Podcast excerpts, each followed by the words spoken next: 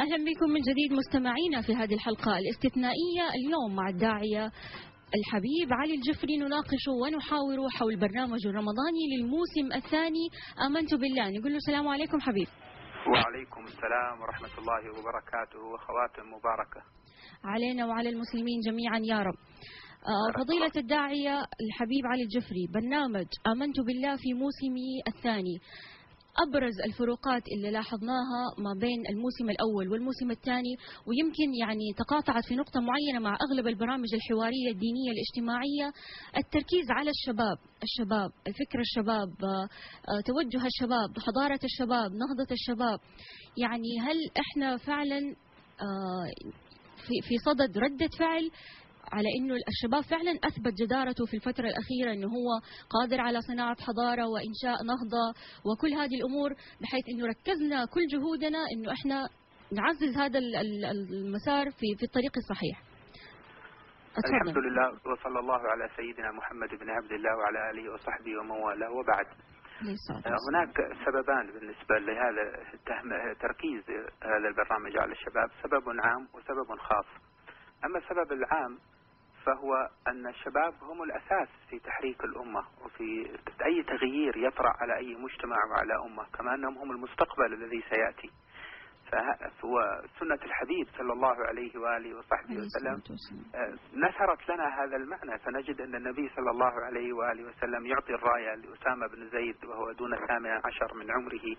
ونجد أن غالب من آمن مع الرسول صلى الله عليه وسلم وناصره في البداية هم من الشباب. صحيح. آه، هناك سبب خاص آه، يتعلق بالفقير إلى الله عز وجل وهو أنني في الأشهر القريبة الماضية باشرت التواصل عبر صفحة في التويتر وفي الفيسبوك مع مع الذين يشتركون فيها. وذلك بعد إلحاح من الشباب في المكتب عندي. وقد كانوا من قبل يعني هم بنفسهم من خلال المكتب يضعون البرامج ويضعون الصوتيات والمرئيات والأخبار. يديرون الحساب الخاص بك يعني على وسائل التواصل الاجتماعي. هكذا يديرونه. لكن أصروا علي أن أباشره بنفسي. فاستفدت كثيرا من خلال هذه المباشرة ومن أهم الفوائد التي استفدتها أننا لم نفهم الشباب بشكل جيد وينبغي أن نعترف يعني هنا بهذا الأمر ولا ولا نتكبر عن هذا الاعتراف. غالب من يتخاطب اليوم من بيت الخطاب الإسلامي مع الشباب آه، يتخاطب من جهة واحدة وهي جهة الإلقاء. صحيح. وهذا أنا لمسته أيضا في التويتر في الفيسبوك أن الكثير منا إذا دخل إلى هذه المواقع وهي للتواصل الاجتماعي وكلمة تواصل معناها أنها من جهتين لكن الغالب في الطرح الديني نجد أن أن نطرح عليهم لكن لا لا نستمع إليهم صحيح. لكن من خلال التواصل والنقاش شعرت أننا بحاجة أن نفهم الشباب أكثر وتعلمت الكثير في هذا الجانب فاخترنا هذه النقلة هذه السنة السنة الماضية ربما من تابع البرنامج كان الحوار مع الرموز الثقافية النخبوية صحيح. التي نختلف معها. هذه السنة تحول النقاش مع آه، نفس الاتجاهات وربما أكثر ولكن مع الشباب الذين هم في الواقع. جميل جدا صحيح هذا اللي لمسناه. يمكن حبيب راح يكون وقفاتنا في الفقرات القادمة. أيضا يعني نقطة اشتركت فيها آه، موجة تهاجم الفكر الإلحادي اللي ما نحب أنه نسميه ظاهرة لكن آه، لمسنا تواجده في الفترة الأخيرة في المجتمع بسبب ما ركزت عليه في البرنامج اللي هو الأصوات العالية من بيت الخطاب الديني اللي أثرت على الدين نفسه اللي خلت الأسئلة اللي تكبت في نفوس الشباب بسبب يعني خوفه من مهاجمة آه، شيخ أو فقيه بأنه كيف تفكر بهذه الطريقة؟ معاذ الله أستغفر الله كيف وشطح بيك تفكيرك إلى هذا المستوى البعيد؟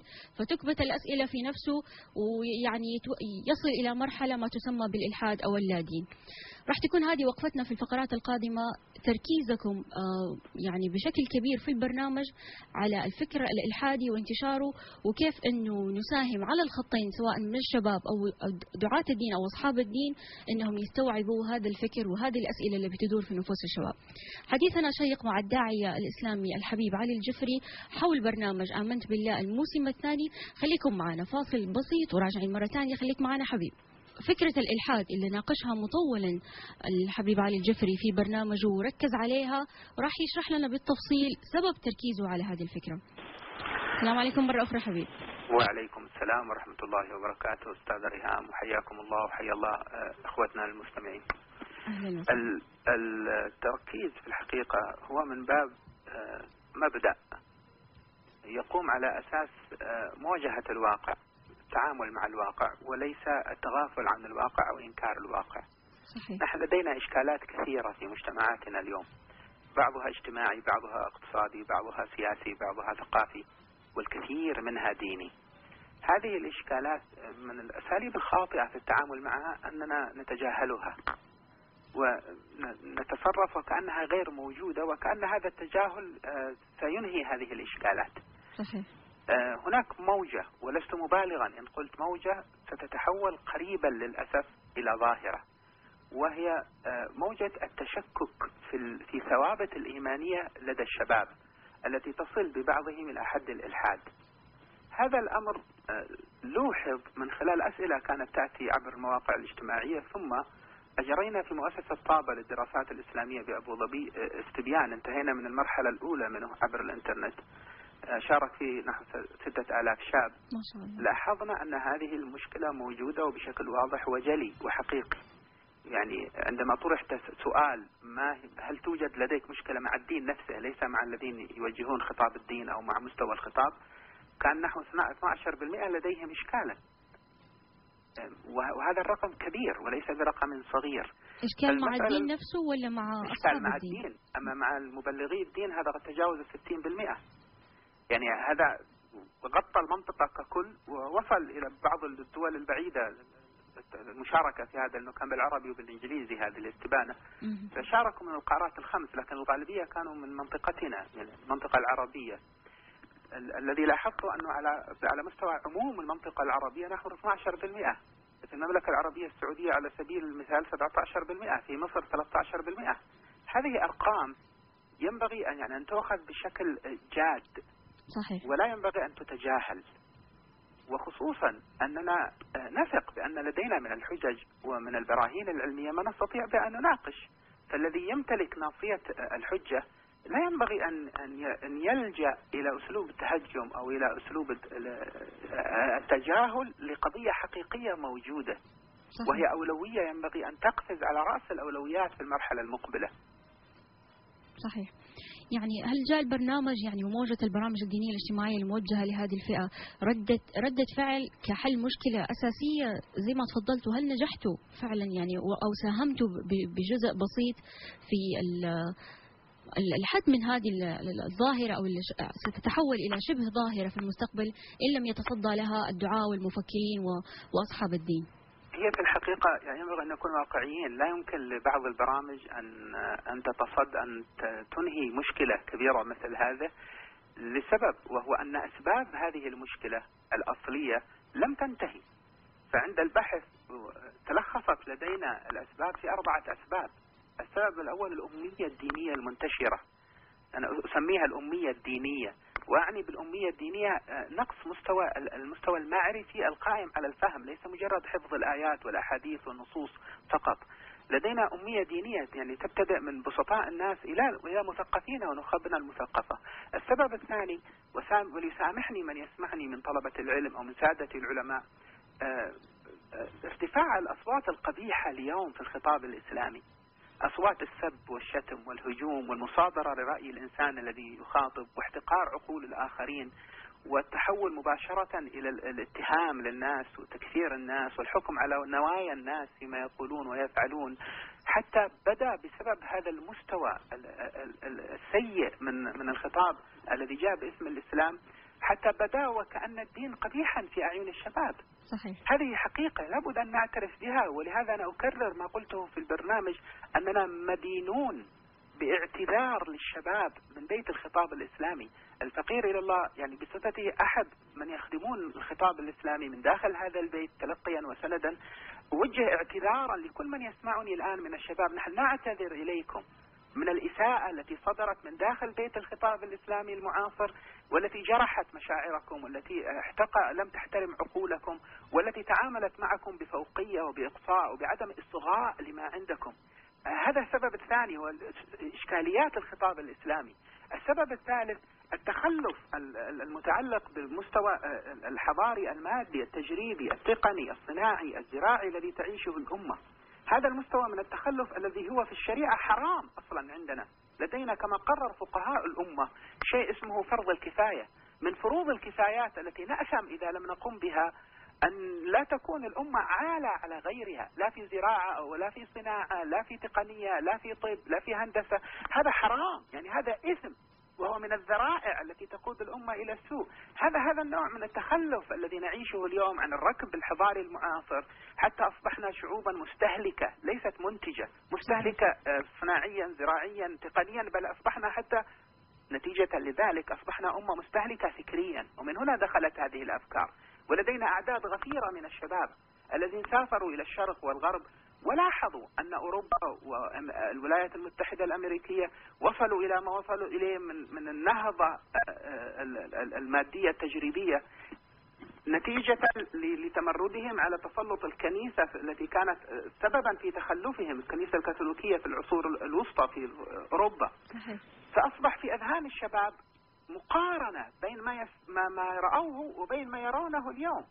عندما يسمع عن الكنيسة كانت تعطي صكوك الغفران وقرارات الحرمان ثم يسمع شيخ من المشايخ أو داعية من الدعاة يصعد على وسيلة من الوسائل ويحكم بأن هؤلاء في النار وأن هؤلاء ضالون. مباشرة يستدعي هذه الصورة. عندما يسمع أن جليله حاكم حوكم على القول بكروية الأرض ثم يسمع من بعض المتكلمين باسم الدين ما ينافي أوليات المعرفة العلمية التجريبية المعاصرة.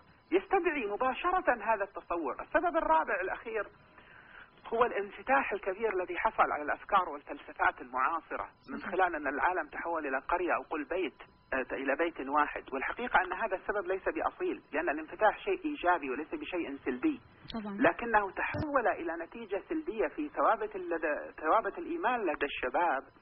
بسبب أن هذا الانفتاح جاء مع وجود الثلاثة الأسباب التي ذكرتها الأمية الدينية وقبح الخطاب الإسلامي من خلال الأصوات العالية التي أرادت أن تمثله والسبب الثالث التخلف الذي نعيشه. هذه الأربعة الأسباب أوجدت هذه المشكلة.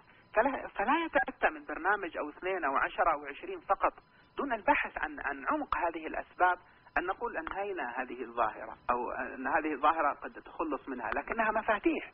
هذه الحوارات فتحت لنا التي بالتلفاز فتحت لنا أبوابا من التواصل مع شباب وجلست مع عدد من الشباب المتشككين في مصر في دول الخليج في اليمن.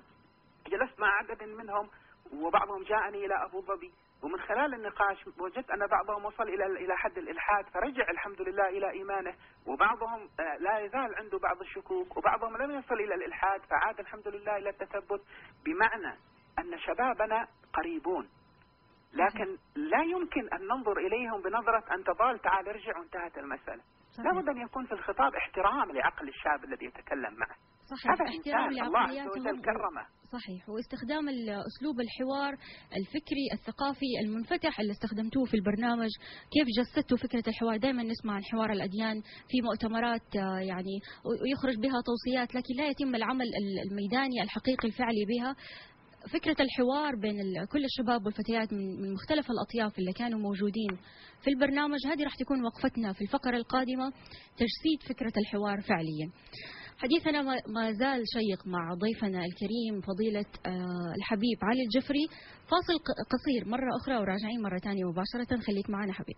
عدنا مرة أخرى مستمعينا في حلقتنا الشيقة مع فضيلة الداعية الإسلامي الحبيب علي الجفري وموضوع نقاشنا لليوم برنامج الرمضاني في موسمه الثاني آمنت بالله.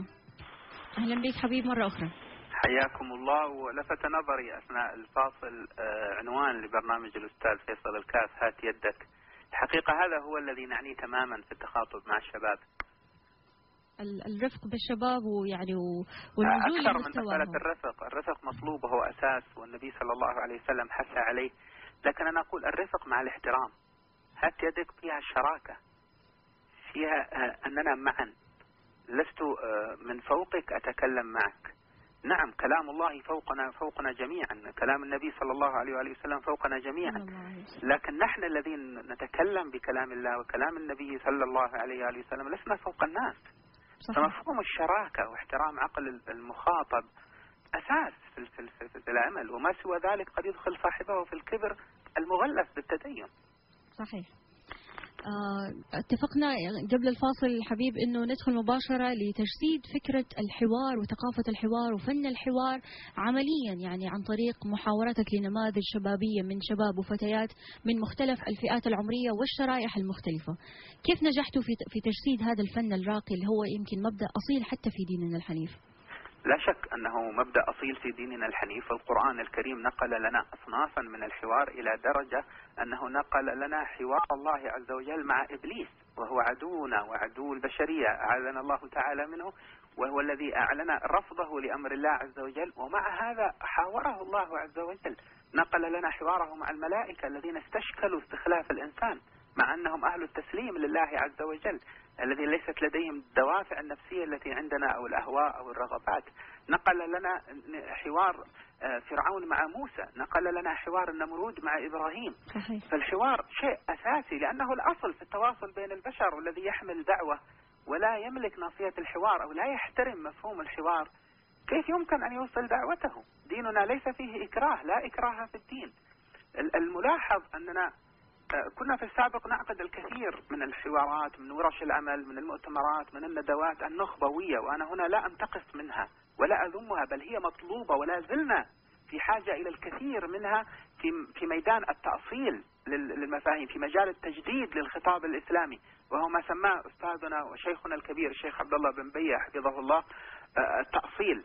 ونحتاج الجانب الآخر التوصيل يعني معرفة الواقع الذي نحن فيه والتفاعل مع هذا الواقع. نعم. فعلى سبيل المثال كنا قبل سنوات في مبادرة اسمها كلمة سواء دعونا إلى الطرف المسيحي إلى الحوار بعد محاضرة البابا آه، السيئة التي كان فيها شيء من التجاوز في حق النبي صلى الله عليه وآله نعم، وسلم. صاغ كبار علماؤنا ودعاتنا ومفكرون رسالة موجهة إلى مراجع المسيحية فوجدنا تجاوبا كبيرا منهم لأنها كانت على المسلك القرآني ولا تجادلوا أهل الكتاب إلا بالتي هي أحسن صحيح. وحصل تفعيل لها كبير في الغرب في جامعة كامبريدج في جامعة ييل في جورج تاون في آه، في الفاتيكان في عدد من الأماكن وكان لها نتائج إيجابية على مستوى النخبوية هناك على مستوى الإعلام وعلى على المستوى الأكاديمي على المستوى الديني وتغيرت الكثير من المفاهيم هناك.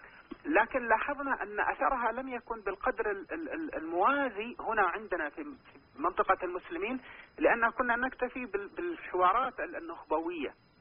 فلما جاء الموضوع هذا الذي نتناقش فيه الآن التشكك في الإيمان أو تثبيت الإيمان أه، وجدنا أن التنظير وحده أو الكلام بين النخب وحده لا يكفي. ونحن بحاجة اليوم إلى مد بساط التخاطب مع الناس مع الشباب ليس فقط لإفهامهم ليس فقط من خلال لا ينبغي أن يكون من خلال النظر إليهم على أنهم فئة ضالة نعيدهم إلى الصواب لا. من خلال أنهم شركاء لنا في هذه الحياة بل هم الذين سيحملون مشعل هذه الحياة. من خلال أن لديهم عقول من خلال إيجاد احتمال أننا لم نفهم الواقع. صحيح. لا أقول لم نفهم الدين لم نفهم الواقع. ومعنى أن لم نفهم الواقع معنى هذا أن لا نستطيع تطبيق الدين لأن تطبيق حكم الله عز وجل أو شرع الله أو أمر الله أو دعوة الحق عز وجل لا تكون إلا بثلاثة خطوات بدونها لا يكون. الخطوة الأولى معرفة الشرع الخطوة الثانية معرفة الواقع الخطوة الثالثة تنزيل هذا الشرع على الواقع تطبيقه على الواقع. فلا يتأتى أبدا بأن, بأن نفعل أنوار الشرع المطهر أنوار الهدي النبوي في الواقع. ونحن نجهل هذا الواقع. صحيح. آه، ركزت فضيلة الحبيب في في في بداية البرنامج يمكن حتى في الأهداف الأساسية للبرنامج إنه تبسيط توصيل المعلومة وليس تبسيط الفكرة أو المعنى ذاته ولب المعنى. يعني لما الشباب يسمعوا حوار أديان ويسمعوا مصطلحات علمانية وليبرالية يمكن الشاب البسيط أحيانا يعني يحصل عنده إشكالية في تفكيك هذا المعنى أو تبسيطه. كيف نجحتوا في توصيل هذه المعلومة؟ بطريقة شبابية باللغة البسيطة اللي يفهمها كل شاب وكل فتاة. أسأل الله أن نكون قد نجحنا لأن هذه المسألة يعني لم لم تظهر لنا بعد. ولكن حاولنا أن نضع من البداية مبادئ. فريق العمل الذي عملنا فيه وغالبه من الشباب للإعداد للبرنامج. اتفقنا على أربعة مبادئ من خلالها يدار الحوار. المبدأ الأول أن الإثارة ليست هدفا. من الممكن أن تكون وسيلة إذا لم يكن فيها مخالفة لكنها ليست هدفا. المبدأ الثاني التسامي عن التجريح والتجاوز في التخاطب مع الآخرين أو السب أو الشتم أو الاتهام. المبدأ الثالث تبسيطه ما سألت عنه تبسيط إيصال الفكرة وليس تبسيط الفكرة. من الأخطاء التي كثيرا ما, ما, ما نقع فيها أننا نتحدث عن تبسيط الفكرة. إلى الحد الذي أوصلنا إلى تسطيح الفكرة.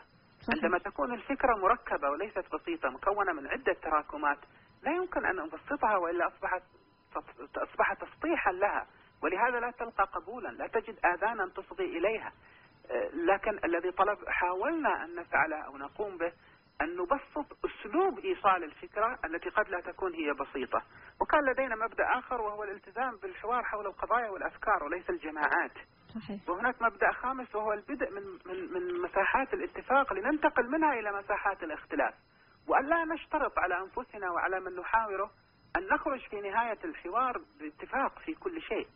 الاختلاف هذا سنة كونية أوجدها الله في العالم الليل والنهار والشمس والقمر والحر والبرد والارتفاع والانخفاض بل حتى في الشريعة القطعي والظني آه، آه، وغالب أمور الشرع ظني وليس بقطعي. يعني هذا التنوع الكبير الذي أوجده الله سنة كونية. فلهذا نحن لا, لا, لا نلتزم أو نشترط أن نخرج باتفاق على كل ما نتناقش فيه لكن نحدد فين أين نتفق ونحدد ما هو الاختلاف ونوصفه بغير تضخيم له أو تصغير له. يمكن النقطة اللي لفت النظر لها كمان كثيرا إنه يوجد نقاط التقاء موجودة كثير بيننا لكن أحيانا بوجود العصبيات أو الفئات أو الجماعات آه، ننشغل أو نجهل هذه النقاط اللي نلتقي عليها فكانت هذه أيضا من مبادئ البرنامج إنه آه، وضع اليد على نقاط الالتقاء الموجودة بداخلنا وتسليط الضوء عليها. للبدء منها. يعني نبتدئ بوضع اليد الذي ذكرته على على مواطن الاتفاق ونبتدئ منها لننتقل إلى مواطن الاختلاف. وهذا يعني من أوليات علم المناظرة والحوار من أوليات المنطق. كيف أستطيع أن أناقش شخص وأنا لم أحدد من أين ننطلق أنا وإياه؟ فلهذا نبحث عن عن, عن مساحات الاتفاق التي للأسف صار الحديث عنها أو البحث عنها اليوم يتهم أصحابه بالتمييع أو بالمجاملة أو بالخضوع. وهذه آه، وهذه المنهجية من التفكير هي منهجية انهزامية أني إما أن تتبعني تتبعني أو أقصمك هذا يشعر بأنك مهزوم لا تستطيع أن تعيش مع التنوع. صحيح. رؤية عامة البرنامج كان مزيج يعني من الأفكار اقتصاد وحياة وسي ودين وسياسة. هذا المزيج اللي خرج به البرنامج كنموذج. عادة يصنف الشباب إنه الداعيه أو الفقيه أو العالم في الدين إنه هو بيتكلم في خط واحد في اتجاه واحد دين فقط بحت. لكن ضرورة يعني تصحيح هذا المفهوم لدى الشباب ولدى المجتمع بشكل عام إنه الدين يعني تشعب في كل أمور الحياة عدم فصل الدين عن أي أمور الاقتصاد والسياسة والاجتماع وكل الأمور الأخرى. وشاهدنا في تنوع آه، عناوين ومواضيع الحوارية اللي طرحت في البرنامج. يعني ما راح يسعنا الوقت اليوم إنه نتطرق لها جميعا لكن كل اللي حابب أكيد وأكيد في شريحة كبيرة تابعت البرنامج واستفادت منه وحسب تصنيف جريدة الجمهورية جريدة مصرية إنه البرنامج حاس حسب حسب استطلاع راي على أكثر مشاهدة في شهر رمضان الكريم يلي برنامج شوية عيال برنامج أطفال يعني بيحاول يستفز خيال الطفل. لكن لعلنا في الفقرة القادمة آه، نقف عند الدعوة إلى صياغة خطاب إعلامي أكثر وعيا واحتراما لحقيقة الاختلاف بين كافة الأطياف الفكرية الدينية منها وغير الدينية. دور الإعلام المؤثر في صياغة هذا الخطاب هذه ستكون وقفتنا القادمة إن شاء الله. عودة من جديد مستمعينا وموضوع نقاشنا لليوم برنامج آمنت بالله والمواضيع الفكرية الحوارية الشبابية التي تم طرحها في موسم في موسمه الثاني مع الإعلامي خير خير رمضان يحاور فيه الداعية الإسلامي الحبيب علي الجفري. مرحبا بك من جديد. حياكم الله وبارك فيكم. كنت أحب آه، قبل الدخول في سؤالك الذي طرحته قبل الفاصل إن أذنت لي تفضل. أن آه، يعني أعلق على الملاحظة التي أبديتها حول أن الإسلام ليس منحصرا على النسك على العبادات المتعلقة بالصلاة والصيام فقط صحيح. هذا صحيح إلا أن الناس تطرفوا في هذا الموضوع إلى إلى تطرفين والمشكلة عندنا في التطرف أن كثيرا ما نتناول جانبا من جوانب التطرف لمحاولة معالجة ظاهرة التطرف ونغفل الجانب المقابل له. وفي الحقيقة أن التطرف يغذي التطرف. هناك تطرف ذهب إلى إقصاء الدين إقصاء خطاب الحق سبحانه وتعالى عن جوانب الحياة وحصره على النسك. يقابله تطرف آخر. تحدث عن أن الدين شامل لكل شؤون الحياة لكنه تجاوز في مفهوم الشمولية إلى حد التسلط على شؤون الحياة.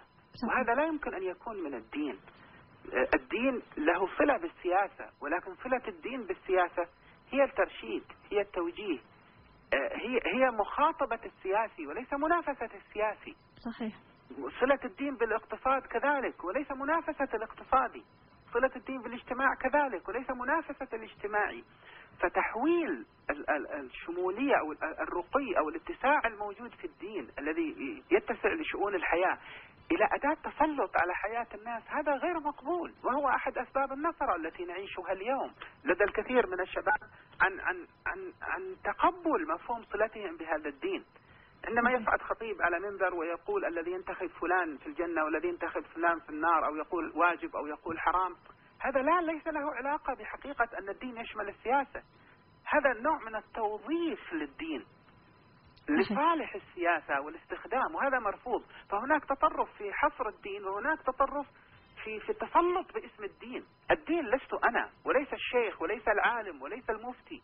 الدين هو ما أنزله الله على سيدنا محمد صلى الله عليه وآله صلى وسلم. الله عليه وسلم ونحن جميعا خدم لهذا الذي أنزل فلسنا نحن الدين صحيح آه مباشرة رح ننتقل إلى كيف يعني تساهم مثل هذه البرامج الحوارية ومثل هذه الجهود الفكرية من من دعاء ومن مفكرين إلى صياغة خطاب إعلامي أكثر وعيا واحتراما لحقيقة الاختلاف بين كافة الأطياف. هو الجانب العملي عندما يتحول التنظير حول الحوار والسعة في الحوار. نحن دائما نسمع أن الإسلام دين راقي أن الإسلام دين آه، حواري أن الإسلام يحترم التنوع آه، أن الإسلام لم ينتشر بالقهر وإنما انتشر بالإقناع. هذا كلام حقيقي لكن تعبيرنا عنه نظري. عندما نحول هذا التعبير النظري إلى تعبير عملي واقعي حقيقي نعيشه مع الناس ويعيشه الناس معنا عندئذ يقتنع الناس أن هذا حقيقي. لكن عندما أخطب خطبة لمدة ساعة بالمناسبة خطبة الجمعة الفقه فيها الاختصار وليس الإطالة لكن عندما يخطب الخطيب ساعة كاملة عن سعة الإسلام وعن قوة الحجة في الإسلام وعن البرهان وعن القدرة على على على إفهام المخالف أو إفهام المخالف وعن أنه منهج إقناعي وليس جبري وليس اضطهادي. ثم عندما ينتهي من الصلاة ويأتي شاب يسأله في مسألة ولو كانت حتى في الثوابت يزجر هذا الشاب ويقول استغفر الله أنت لا تسأل في هذه الأمور هذه زندقة أنتم وراءكم ما وراءكم. وتقال التهم الفعل هنا أو التصرف كذب القول. فالشاب سمع كلاما أن ديننا يستوعب الحوار والخطاب ويتقبل التعامل مع الاختلاف والتنوع. فلما جاء ليختبر ذلك تجريبا يجرب ذلك مع الشيخ الذي تكلم وجد ضد هذا. فكيف يمكن للشاب أن يقتنع أن الدين كذلك؟ ولهذا توهم الكثير من الشباب أن المشكلة في الدين وليست في من يمثل الدين صحيح آه، حبيب يمكن في بعض الحلقات في البرنامج احتوت على آه، نوع من أنواع التزكية، تزكية النفوس، كيف كيف ممكن نجمع بين أمور التزكية وبين أمور اللي هي بتناقش فيها الشبهات داخل فكر. نفس الشاب والفكر تحديدا، صحيح؟ يعني هذا سؤال عميق جدا يعني لم يسألني يعني لم لم أسأل عنه مع أنه مهم جدا يعني آه، من مدة طويلة. آه، نعم الخمس الحلقات الأخيرة كانت متصلة بالأساس التزكوي بالتزكية بتطهير القلوب بالروحانية الحقيقة أن آه، العقل لا إشكال فيه. ما معنى أن العقل لا إشكال فيه؟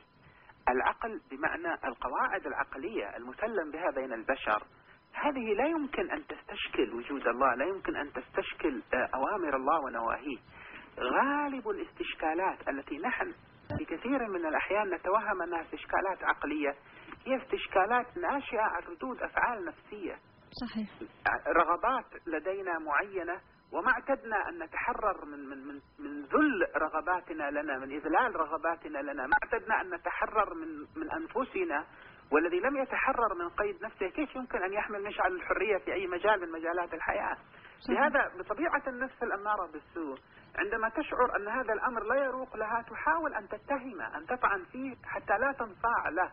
فتأتي الكثير من الإشكالات على أنها عقلية وعند بحثها نجدها أن الذي وراءها إشكال نفسي.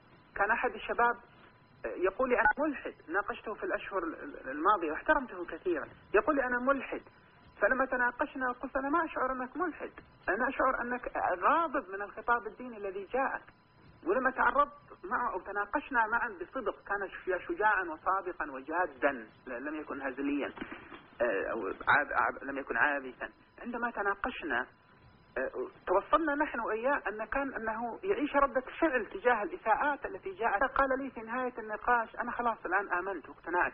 لكن آه، كنت أريد أن أخبرك يا شيخ أنا جئتك الليلة ولدي الكثير من الأسئلة الفلسفية والتشكيكات الفلسفية. قلت هاتها أطرحها ما عرفته أجبته أجبت عنه وما لم أعرف يعني أبحث فيه. قال لا الآن لن أطرحها عليك. قلت لماذا؟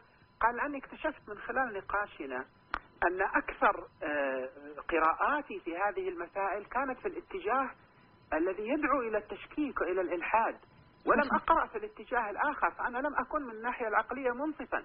فاكتشفت أن ردة الفعل النفسية التي عشتها جعلتني أبحث في ذلك الاتجاه دون النظر في هذا الاتجاه. لهذا احتجنا إلى الخطاب الروحي لأن الخطاب الروحي يجعل النفس مكشوفة أمام صاحبها. يزيل غش النفس وخداع النفس فيميز الإنسان بين الإشكال النفسي وبين الإشكال العقلي. ومخاطبة الطرح الفلسفي نحتاج فيه مع, مع إلى العلوم العقلية ليست فقط النقلية. العلوم العقلية مثل علم الكلام مثل علم المنطق مثل علم أصول الفقه. هذه العلوم العقلية تجعل الفلسفة منضبطة بالعقل. فلا تخرج بعيد عن عن العقل بداعي بداعي النفس.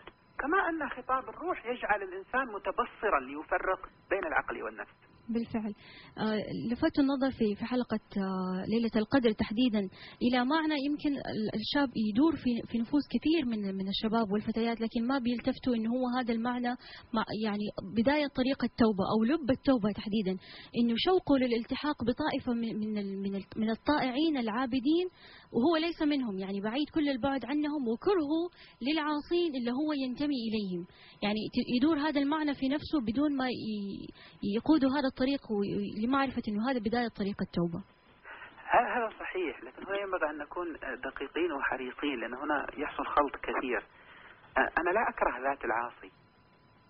أنا أكره معصيته. لا أكره ذات الكافر. أكره كفره.